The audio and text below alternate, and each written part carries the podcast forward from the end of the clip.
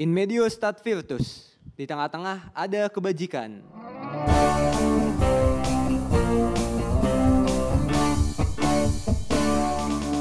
Welcome to FM. Hey hey, balik lagi bersama kita di PAJ FM. Sekarang kita udah masuk ke episode 10, nih. 10 dari season kedua. Wis, Wis. akhirnya hari ini karena ada beberapa halangan, saya ditemani seorang petinggi Atma Jaya, ada dua lagi. Saya turun gunung biasanya jadi jadi kru, turun jadi Pondasi kita Jadi jadi host. jadi host. jadi ini bareng Mama Yogo dan sekarang kita ini kita punya episode tamu istimewa Rainer nih Iya, pada hari ini, ini. episode tertunda dari season 1 sebenarnya. Iya, sebenarnya kita sudah punya uh, rencana mengundang beliau nih di Iya. season 1 di penghujung. sosok menakjubkan gitu di Atma Jaya ya. Silakan Rainer. Oke, sekarang kita udah bersama Pak Pajaka. Ini Pak Pajaka sebagai warek mahasiswa di Atma Jaya dan juga sebagai hu- uh, pengurus hukum bagian atas kekayaan intelektual gitu ya. Siap, siap Boleh Renner. perkenalan dulu Pak Pajaka. Oke, selamat selamat Romo Renner. Waduh ini kita saya juga ke apa namanya kedatangan tamu istimewa nih ke pagi-pagi. Kok kemarin Romo sudah kontak-kontak. Ayo, ayo, oh siap siap siap. Lah ketemu di sini. Eh, ini terima kasih saya Agustinus Prajaga Wayu Baskara. Saya dosen Fakultas Hukum. Kebetulan per Desember 2019 kemarin eh, dipercaya ya diajak Pak Rektor untuk mendampingi beliau di kemahasiswaan dan alumni. Eh, ini saya posisi sudah ini menu ya hampir ya besok Desember sudah Setahun. ya Romo ya. Ada perjalanan suka, dukanya belum ada sih ini. Karena apa pendampingan mahasiswa tuh keasikannya gitu. Jadi bagaimana kita menyelami kalau paribahasanya kita kan menggonggong bersama anjing, mengembing mengembik bersama kambing. Jadi kita Menyesuaikan. menyesuaikan kita me- me- apa, menyelami mereka dengan pola pikir mereka. Makanya kalau justru perjumpaan dengan mahasiswa mahasiswa ini me- apa namanya menggairahkan gitu ya. Jadi semangat gitu ya, semangat. Jadi ketemu ketemu di sini wah halo Pak halo kan dengan segala macam kecentilan kelucuan tapi memang oh, oh. tapi di, makanya di era pandemi ini ini tantangannya semakin semakin apa namanya semakin Berat, apa namanya, besar. kita berkreasi berinovasi kalau teman-teman kan banyak kan ya itu mahasiswa pun banyak tipenya ini tipe pengeluh sama tipe pe, Pejuang. pejuang eh pak ini pak dana IKM nya kok terus Iya. terusan nggak kepake ini bentar ada ada UKM lain kemarin salah satu kayak boleh nye- boleh nyebut anu nggak Boleh kalau Bapak Boleh. boleh. Bapak bosnya. Kalau saya tidak berani. Diedit ada UKM UKM tertentu lah saya tidak mereka berkreasi di apa namanya era pandemi ini dengan webinar webinarnya pun webinar yang enggak nggak apa adanya tapi kreatif lebih wah asik seru itu. Bahkan pameran-pameran diselenggarakan di Instagram di apa namanya media gitu Eh, ya. jadi keren itu maksudnya. Kadang-kadang ketika kita berpikir apa fokus pada masalah, waduh ini gimana ya kondisi seperti ini. Kita tapi ketika kita fokus pada solusi, oh ini ada masalah, solusinya apa ini? Nah, semacam itu maksudnya eh, saya sih kan ya karena kita level range mahasiswa mahasiswanya juga dengan segala macam latar belakang apa namanya apa keilmuan tapi juga mereka ilmu mereka ini bisa disiasati dengan apa ya pas kemarin perjumpaan dengan kan kita audiensi 8 fakultas jadi Oh, iya. di era saya ini saya pengen Ketemu ketemu di masing-masing UKM me- me- apa namanya Menyapa. menyapa me- saluran-saluran komunikasinya itu loh kita Pak ini Pak meskipun nggak semua jalur saya ada Pak ini kok Ada yang malah Melintas- lintas. Lintas jalur satu akademiknya saya Pak kalau saya cuti gimana waduh ini saya Jadi bimbingan konseling juga nih. Tapi seru-seru ini pasti era pandemi ini bagaimana kita bisa berkreatif, inovatif di ya masa-masa sulit ini kita kan nggak tahu ini juga selesai kapan Pak. Kira-kira kapan Pak selesainya? Wah nggak tahu. Tuhan aja nggak tahu ini. Oke oke, ini menarik banget ya kalau udah disinggung dikit tentang kemahasiswaan. Cuman kita pengen bahas dulu Profesi, pekerjaan. Bapak Iya. sebagai Panggilan hidup. Dulu Pak Rojaka ini bilang jalur kebahagiaan. oh iya betul. Pernah terungkap. Nanti kita bahas yang belakangnya ya. Iya saya itu masuk Unikat Majaya di Fakultas Hukum tahun 2006. Saya kemudian selain profesi dosen saya juga untuk profesional saya advokat, Advokat. kemudian konsultan haki. Oke. Betul. Terus kemarin dapat apa namanya masih jadi anggota konsultan hukum pasar modal. Oh, banyak berarti ya sebenarnya Pak. Ya nggak banyak sih, cuman ini anu anu mas siapin sekoci ya. Side job, side job. itu ya hukum 2006 ya sampai sekarang akhirnya kemarin Desember 2019 diajak Pak Rektor untuk mendampingi Oke mahasiswa. oke, Ah, kita ah. bahas dulu yang tadi salah satunya kan haki itu tentang hak atas kekayaan intelektual. Ya, siap. Mungkin itu juga bisa dijelasin lebih dalam lagi Pak. Em, Mungkin kan masih banyak nih orang yang belum paham atas em, itu kan terkait hak paten, hak segala macam. Itu tuh sebenarnya seperti apa sih Pak? Iya iya. Ini kalau boleh Mas kalau cerita ya. Sebenarnya cinta pertama saya itu hukum pasar modal. Oh justru hukum pasar modal awalnya. intelektual ini malah selingkuhannya ya. Tapi lebih awet yang mana Pak? Eh, oh ya, ini saling mengisi lah Mas ya.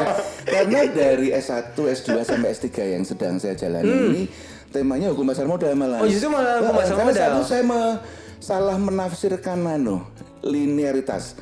Dulu itu kan kalau dosen kan harus linear itu linear hukumnya Iya. semua. Tapi saya waktu itu menafsirkannya tidak sekedar hukumnya tapi tema tema Oh, penelitiannya oke, juga kan kalau jadi semua dosen-dosen kan di didikte dia, "Wah, kamu harus linear Linear, ya. linear keilmuannya." Keilmuan. Padahal ternyata jenis penelitiannya pun maksudnya Boleh beda di skripsinya, tesisnya, disertasinya boleh beda ya. Aduh waktu itu kan ternyata juga di Fakultas Hukum sudah ada dua dokter haki. Oh, oke. ya untuk untuk apa namanya eh, keilmuan yang lain kebetulan jadi saya akhirnya mendalami pasar modal ini dan tadi kalau tadi antara cinta pertama dan Selingkuhan. eh kok malah ini selingkuhannya malah jadian ini Yang utama. Iya, ya ini selingan aja. Tapi gini, apa namanya?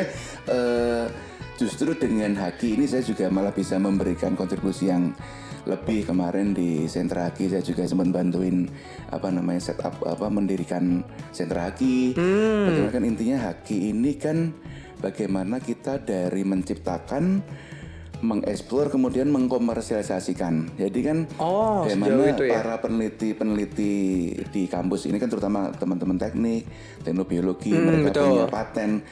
Paten ini nggak cuma selesai di penelitian, di paper, di jurnal, tapi bagaimana kita ngeling dengan dunia industri, dunia usaha supaya ya ada kan kita juga sedang menggarap ini academic venture jadi Hmm. bagaimana kampus tidak tergantung pada tuition fee. Kalau kan kita tahu ya, Iya. trainer ini kamu kan sudah ke sekian persen menyumbang gaji karyawan.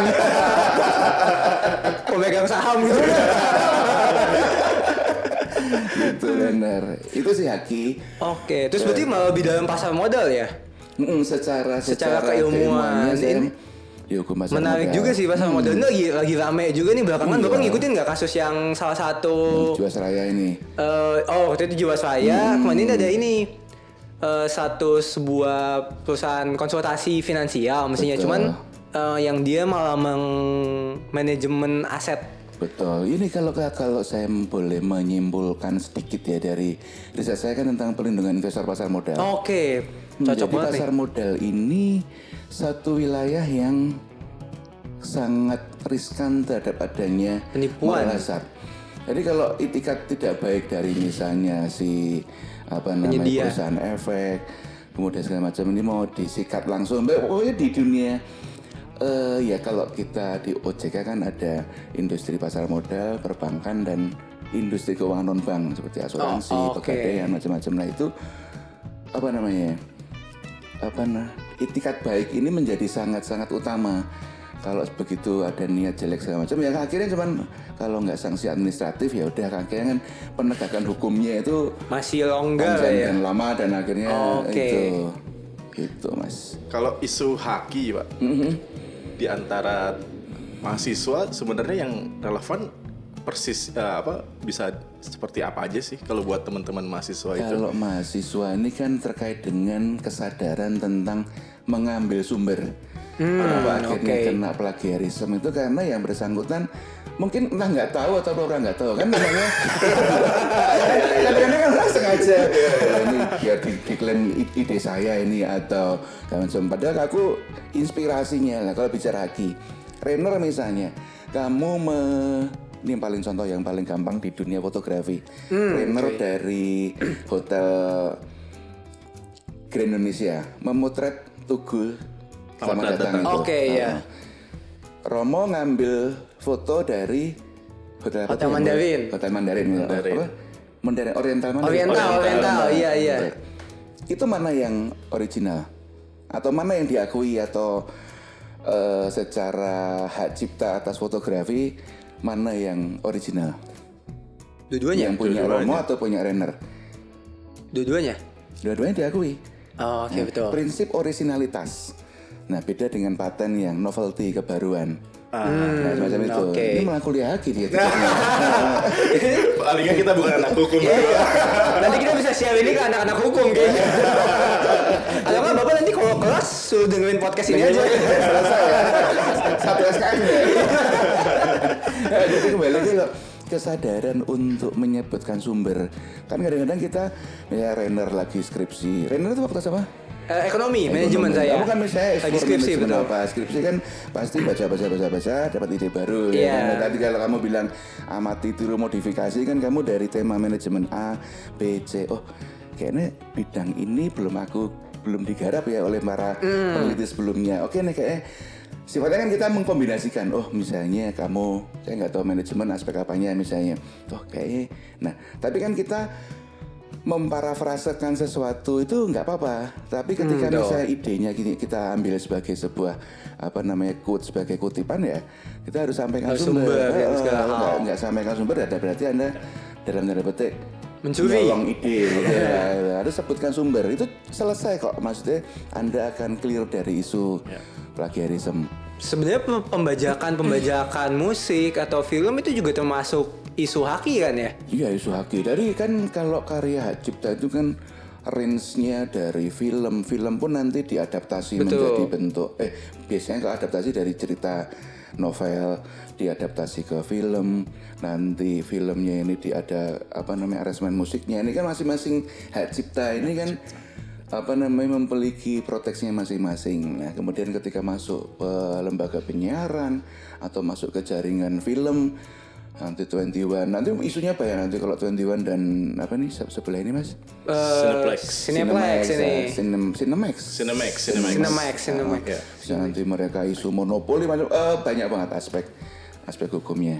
Paling nggak buat si mahasiswa punya kesadaran zaman sekarang anak-anak teman-teman muda kita kan sangat kreatif tuh bikin konten bikin konten paling nggak punya kesadaran oh kalau gue punya konten sesuatu ada kesadaran untuk me Memperjuangkan sih hak kekayaan atas kekayaan intelektual ini ya. Ini teman-teman kemarin fot- fotografi itu teman-teman Oh iya, Studi betul, 51 Studi 51. dalam diskusinya ini agak sedikit saya nggak tahu ini porno. Pak, kalau kami membuat foto seorang cewek yang agak gimana gitu itu gimana pak ya nanti kena ITE nggak Pasal paham ya pasal gitu, pornografi atau segala macam kan emang kan kadang-kadang pornografi itu harus diletakkan dalam suatu konteks tertentu Iya, kan. iya. Renner seorang fotografer, wah ini dengan kalau kita lihat gajah itu kan lebih seksi di gadingnya daripada kita foto maaf belakangnya iya itu Analoginya sangat baik ya. kan angle angle itu kan Iya, penting iya. ya ketika se- secara visual dia mampu diekspos tertentu kan oh, menonjolkan apa ke Seni atau lain. ke eleganannya ke apa pun Art itu ya jadinya ya. artnya. Iya. Nah, itu tentang kalau tentang kembali lagi misalnya kalau mahasiswa ya apa namanya bagaimana dia sadar tentang proteksinya kalau tentang tadi apa namanya fotografi atau skripsi sumber sampaikan apa namanya sumber yang kamu di mana dan apa tahu apa namanya sehingga kamu mengklaim ini sebagai karyamu sendiri itu memang apa namanya Ada pas gitu, dasarnya, ada gitu. dasarnya juga sumbernya nggak bisa pakai wangsit saya bertapa di bawah Saya kebetulan semalam mimpi ini. Sebenarnya ini juga berkaitan bisa juga dengan ini apa menghargai hak hak haki itu ya. Betul. Soalnya Jadi, kan satu- banyak streaming film ilegal dan lain-lain Ya, itu juga sebenarnya kan nggak boleh berarti ya pak. nggak boleh jadi kadang-kadang kan satu sisi aspek hukum di satu sisi tapi kemudian penegakannya misalnya kemarin kalau kita cermati undang-undang hak cipta dari awalnya delik aduan menjadi delik apa namanya delik biasa menjadi delik aduan itu kan Wah, ini mas jadi lanu mas nanti malah kepanjangan gitu. Ya. Kembali ke laptop aja ya. Oke bisa bisa. Tadi udah menarik tentang eh, beberapa hal hukum-hukum itu ya.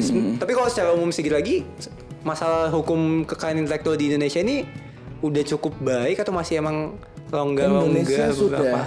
kalau dulu sempat terjerembab dalam priority watch list ya jadi termasuk negara yang Pembajakannya Pembajakannya banyak. cukup kencang. udah, udah, udah, udah mentas lah kemarin sempat mentas jadi apresiasi eh, terkait dengan karya orang lain edukasi-edukasi yang disampaikan oleh Ke- Kementerian Hukum dan HAM CQ Direktorat Jenderal Haki sudah bagus. Penegakannya juga sudah sekarang lebih kalau teman-teman sekarang di Glodok itu sudah mulai berkurang. Nah, kalau trainer kamu sukanya kulaan di sana kamu. Ya Dekat pak sama rumahnya. Jangan dibuka dong.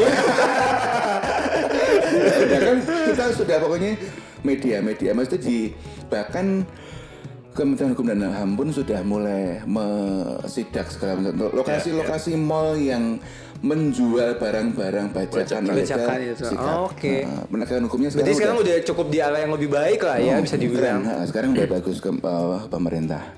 Misalkan kita bahas ini ya mau Pak Prajaka sebagai tadi walek bidang kemahasiswaan dan alumni. Alumni, Tadi udah sempat disinggung sih ke awalnya. Pertama berarti kan dari Desember 2019 tahu-tahu Bapak tuh dipilih nih jadi dipercaya buat jadi walek padahal masih studi. Eh, itu gimana tuh Pak perasaannya? Saya tuh ketika masih saat ingat itu? loh pak, kita ketemu di kantin yang lama itu. Ketemu, saya pagi-pagi makan sama Mas Bowo, ada Pak Rajaka. Belum jadi warek waktu itu.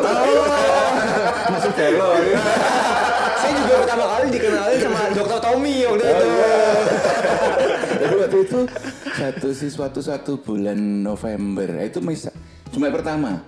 Hmm, jadi beliau ini nggak apa-apa ya curhat ini ya.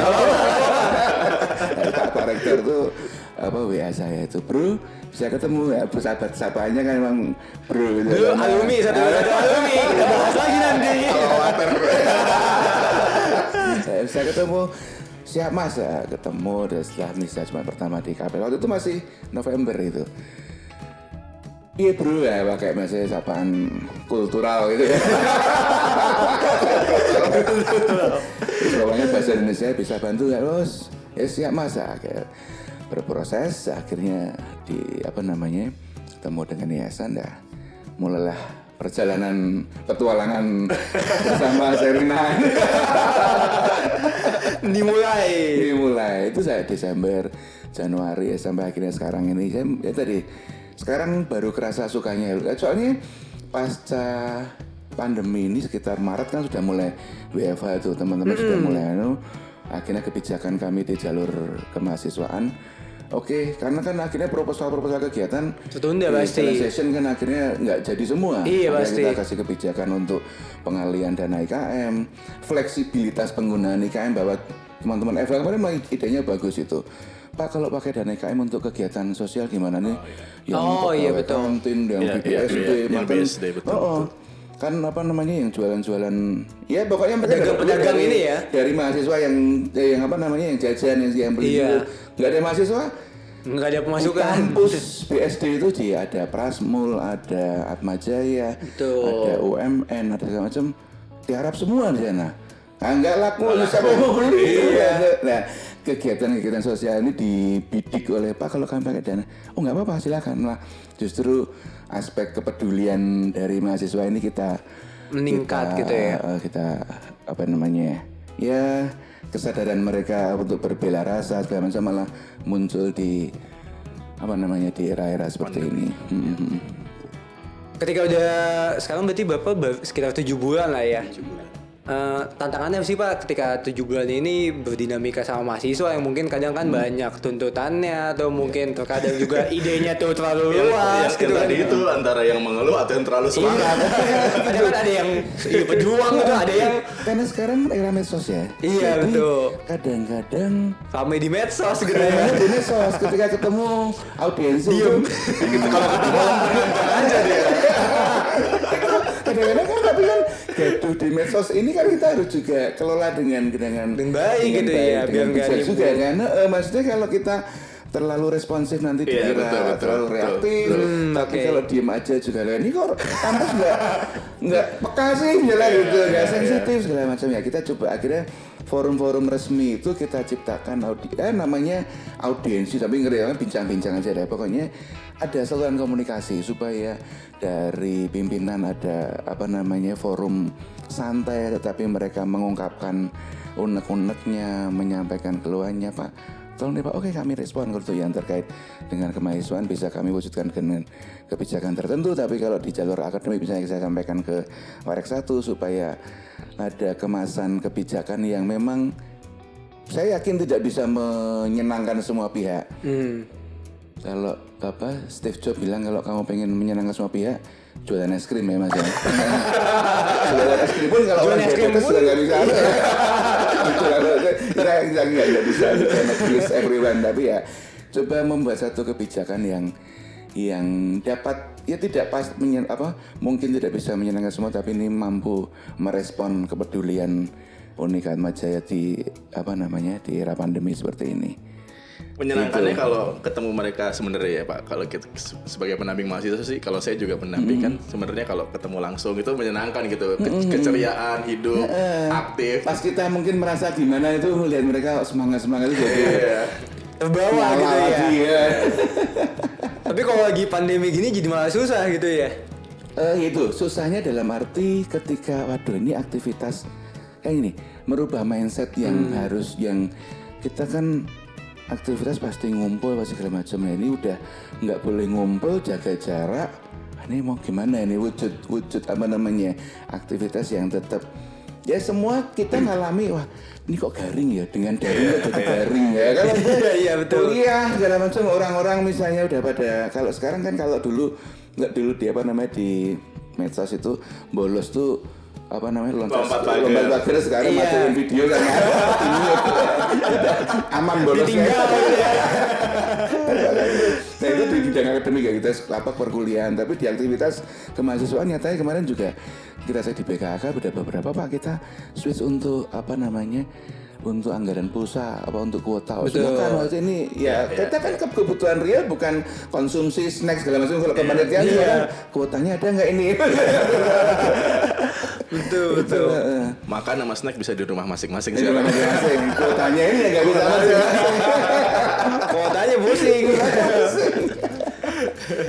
Eh, kayaknya salah satu ide bapak mungkin juga proses sih, tapi yang bapak juga lagi aktif. Salah satunya ya membentuk si bem univ ini ya.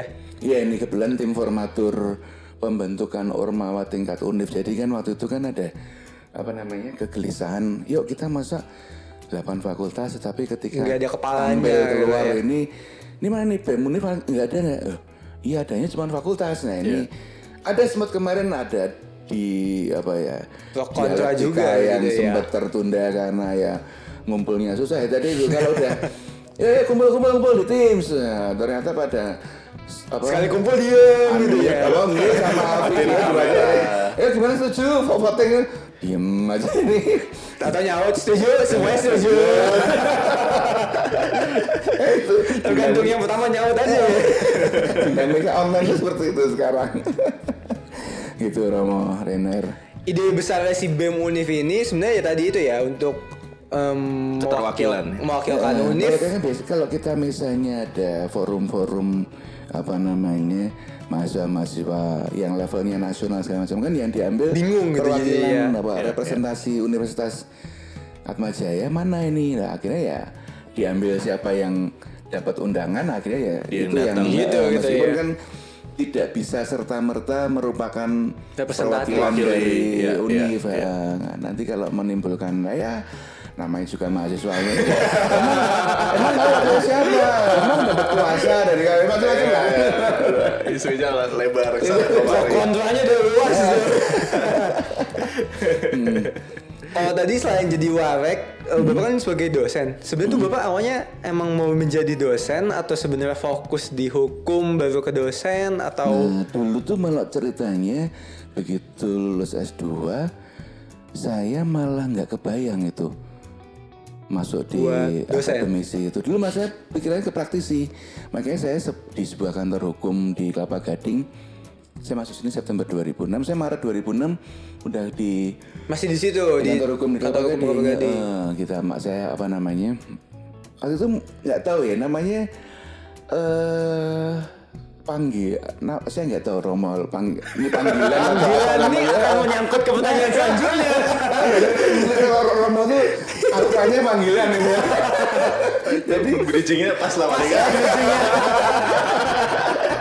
Iya jadi Mas kebetulan bapak, bapak tuh kan guru di setelah Duce di Jogja. Oh, Jogja. oke. Iya, iya.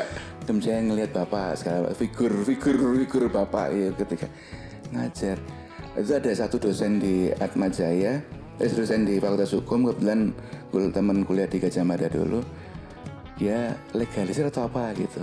Loh kamu di mana sekarang? Lihat mas ya? Oh ngajar iya. Weh lucu juga ya kayaknya ya.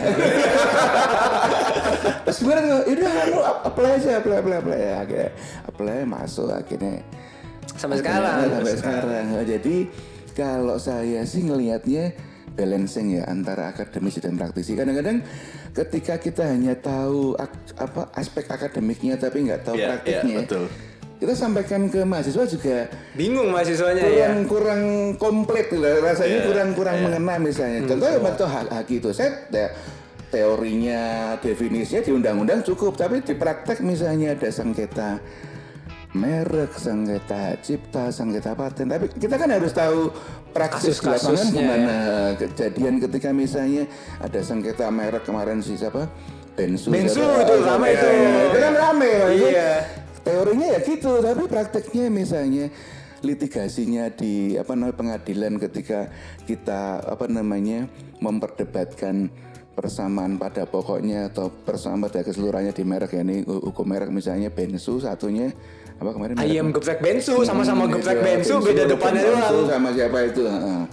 Nah itu pasti kan menganalisis kita strateginya. Oh kalian kepentingannya seperti ini nih kita harus Oh, mampu memberikan argumentasi untuk mementahkan argumentasi lawan itu kan di kelas kan nggak dapat cuma iya. teori-teori itunya. Ini Contohnya. heeh. Udah bagus sih tadi bridgingnya tentang panggilan. ya. Sekarang kita ngomongin panggilan masa lalu. Enggak yang waktu itu yang kita ketemu di Civita. Betul. Pak Praja Katanya bilang, sekarang tuh ketemu sekarang ketemu dulu di Civita kan Oh, Jama Romo ketemu. John. Nah, Romo John. Ngomongnya gini saya ingat banget. Iya, Romo John itu memilih jalur kebenaran. Kalau saya kebahagiaan. Iya itu. Itu Ramadan saya kaget loh itu. Ternyata yang dampingi Ramadan nah, ini eh, ini teman SMA dulu teman pukul-pukulan teman Iya. Betul ya itu. Wah ini Romo jalan kebenaran nih. Saya ambil jalan kebahagiaan aja deh.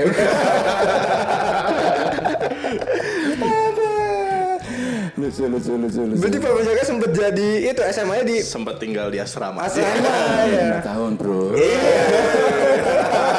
Empat tahun, empat tahun itu ya ya? Empat tahun. Mulai tahun Lah. rohani, ewa. Terus laki-laki semua lagi. Salah satu alumninya seorang Romo udah kebayang. Aduh. Gitu Romo. itu em, kalau ngomongin sedikit tentang itu sebenarnya hal yang kayak gitu ketika pengalaman di asrama itu mungkin sampai sekarang ada pengaruhnya nggak sih buat bapak?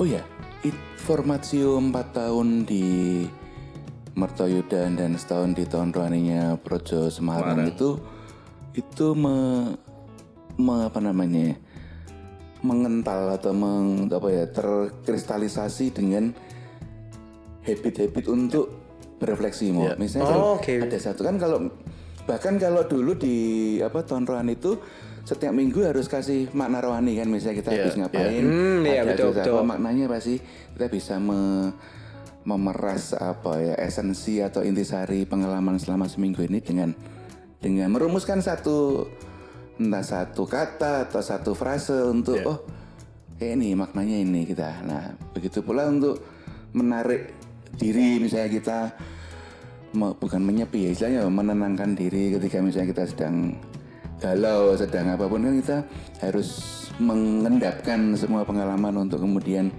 jangan ter apa namanya ter ikut gaduh dengan suasana tapi kita mencoba kalau air sudah ditenangkan gini kan ampas-ampasnya kita tahu Terlihat, gitu ya, ya. kita tahu jadi bisa helikopter view-nya itu bisa lebih apa namanya jernih dalam melihat sebuah persoalan sebuah permasalahan gitu mau Tools ya pak, tools yang bisa dipakai Hmm, untuk jadi- seterusnya Ah, gitu ya. Jadi ketika ini kita sedang merasa stuck atau segala macam, oh kayaknya ini baru perlu meng, apa, ngerem dulu nih, maksudnya kita slow down dulu sebelum berakselerasi lagi. lagi.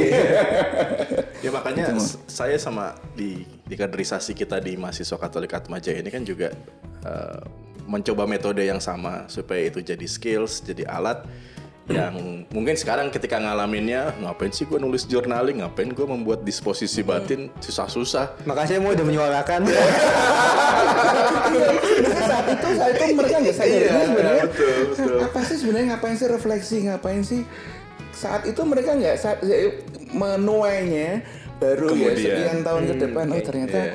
pengendapan pengendapan seperti ini tuh Bermanfaat gitu ya di eh, dalam pekerjaan, dalam kehidupan sehari-hari gitu ya. pada apa ya stres depresi karena mereka nggak tahu caranya lah tools untuk Hmm, betul, betul. mengerem untuk sejenak diam untuk sejenak kalau dulu namanya visitasi ya mbak ya habis misalnya kita habis makan Visitasi. kita datang sebentar doa sebentar pengendapan 2-3 menit makasih Tuhan kita istilahnya maces gitu ya Mbak.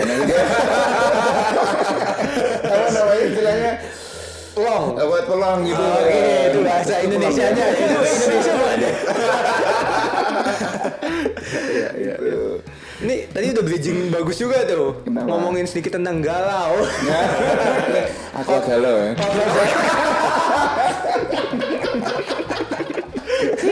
Ini sangat cocok kita.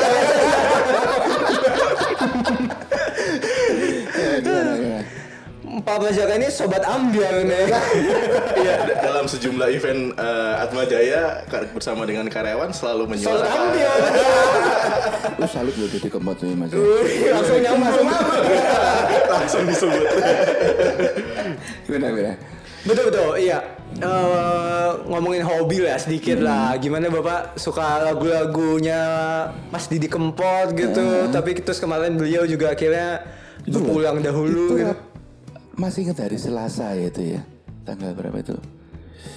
Pokoknya loh cuman lihat running text di TV kan pas bangun loh. Maestro apa itu? The Godfather of Oh, Broken Heart. rasanya itu gimana itu ternyata di grup di grup keluarga kan juga pada seneng itu. Aduh, gila.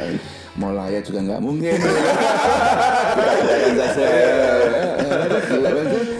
Dengan segala ma- mampu mengemas suatu kesedihan menjadi keceriaan itu kan luar biasa Iya, ya betul, betul. dalamnya ambiar tapi keluar bisa. Bahkan bisa. Itu kalau kalau kita me, apa lesson learn dari itu kan dia mengemas suatu perasaan sedih dikemas menjadi sebuah lagu yang bahkan bisa menghibur. Bahkan orang bisa menertawakan Kesedihan gitu itu ya. kan Betul betul. apa ya pencapaian rohani yang Iya, iya. keren kan itu juga. Eh, maksudnya kamu kita di dalam bisa sedih tapi ketemu ketemu saya padahal ambiar Saya pernah dengar salah satu apa eh, definisi orang dewasa itu adalah orang yang bisa mampu men- menertawakan dirinya betul dan itu udah dewasa. Dan apa ya, ya kan pengalaman kita kan naik dan turun ya. Tapi Betul. kalau kita bisa kita bisa melihat, ah, gini amat sih. Tapi dengan itu Oke.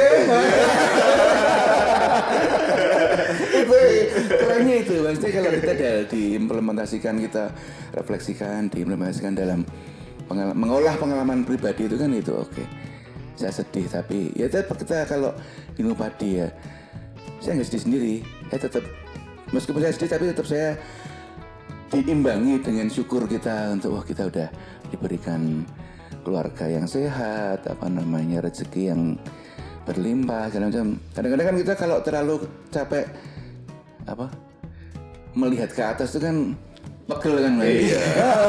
ya, Kadang melihatnya ke bawah, jadi. santai, relax. Kita balance tadi lah. Kalau ketika saya di WA itu kan saya nulisnya Virtus in Medio. Hmm, Tahu apa tuh? kamu, Renner? Enggak tahu saya. Romo nggak tahu ini masih. Romo tahu lah, ini suraganya. Saya lagi mikir. Cuma mengingat apa ya? Virtus in Medio itu keutamaan itu ada di tengah. Oh, Oke, oke. kan kita tidak berlebih, tidak berkurang, seimbang. Iya. Balance itu balance itu antara satu tema apa namanya? Tema kehidupan lah. Filosofi terlalu- hidup lah ya. Nah, Kalau kita terlalu gini terlalu menengadah terus ya capek. Ke bawah terus juga nggak- capek. nggak termotivasi ya kita seimbang Di tengah-tengah itu ya. Pantesan Pak Prajaka tuh menyeimbangkan Imbang suasana, itu, betul. suasana rektorat Sejak dengan keceriaan. hal lucu itu waktu itu ngeliatin IG Unika Atma Jaya komennya para rektor dan warek bercandaan biasanya mahasiswa pada komen protes ini warek yang bercandaan Jadi kita tahu sekarang Fitus in med- media Iya, ya dasarnya. jangan serius-serius amat Tapi kalau pakai bahasa Arabnya lebih ngeri kalau lebih keren. Serius amat, kan kurang-kurang kayak kecil ya. Terus media opo ya. biar seimbang biar tetap kelihatannya ada seriusnya Serius dan santai kan tengahnya kan relax santai. Kalau orang marah orang anu tapi kita lebih apa namanya? Ya lebih lebih tenang. Tenang. ternyata menarik ya. Ternyata sosok Didi Kempot bisa ditarik ke refleksi seperti itu ya. Oh ya mas ya. Bisa bisa nilai-nilainya. disambunginnya tapi pas kayaknya Itulah pentingnya di asrama. gue kira nih. Sarah ini sponsor saya menjadi prospek hari ini. Ayo mau Renner suruh tanda tangan. Saya kayaknya pengen mengikuti jalur kebahagiaan aja. Tapi untuk sebagai sebagai bagian harus kebenaran dulu ya mas. ini asik banget kita udah setengah jam lebih kayaknya kira-kira ya ngomong sama Pak kerasa ya. Jaka iya. Eh, diminum dulu mas. oh yang terakhir kali ini, yang terakhir pesan. Betul, pesan. buat ya kita mahasiswa Atma Jaya Katolik atau yang siapa pun lah san betul dari sang Warik sang maestro Kalau ketika saya di jalur kemahasiswaan alumni, ketika teman-teman masuk dan akhirnya keluar, lulus segala macam. Nah, di jalur kemahasiswaan inilah kalian dapat mengasah semua soft skills. Ketika kalian hanya fokus di perkuliahan, akademik itu, keluar anda akan garing. Wat, apa, wahana untuk mengembangkan soft skills itu banyak banget gunakan dari seni, nalar, hobi, macam-macam. Itu dari situlah kalian belajar networking. Kerja itu nggak cuma kita IPK S, apa IPK 4 kamu ketika dari, dari ini makanya ini untuk menyeimbangkan pengalaman saya ketika di apa kuliah dulu saya aktif di paduan suara aktif di teater. Dan itu kan kita networking Ya, dengan siapa? Betul, betul. Oh, eh iya ada lowongan tuh ada info. Info mereka kan nggak kita formal formally ada ada pengumuman di PKK lowongan itu kan ketika sudah kenal direkomendasikan itu kan Iya. akan beda nanti. Kita ini bukan kita bicara koneksi kata belet saya tapi kan net- net- net- networking yang kita Iya, kita iya, bikin itu akan beda tesnya oh ini oh ini aku udah udah, udah kenal. Oke itu pakai. Misalnya kan kita kan kita direkomendasikan dengan jalur itu kan akan membawa apa namanya? Membantu lah ya. Membantu oh, membantu rumah tangga. Gue mau dulu kenapa rumah tangga? Asisten. Iya. itu Renner. Gitu ya. Terima kasih banyak Pak Prajaka Betul, betul. sudah Renner. berkenan memberikan waktunya kepada kita. Siap. Episode yang tertunda. ngeri ya 30 menit penuh keseimbangan. oke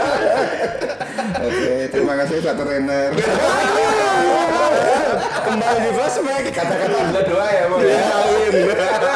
Sebaiknya episode ini kita sudahi. Saya lagi di prospek. Terima kasih semuanya yang udah mendengarkan. Terima kasih juga Pak Prajaka. Semoga episode ini bisa menjadi Inspirasi. inspirasi dan membawa berkah buat kalian semua. Amin. Sampai jumpa. Sampai jumpa, terima kasih. Terima kasih.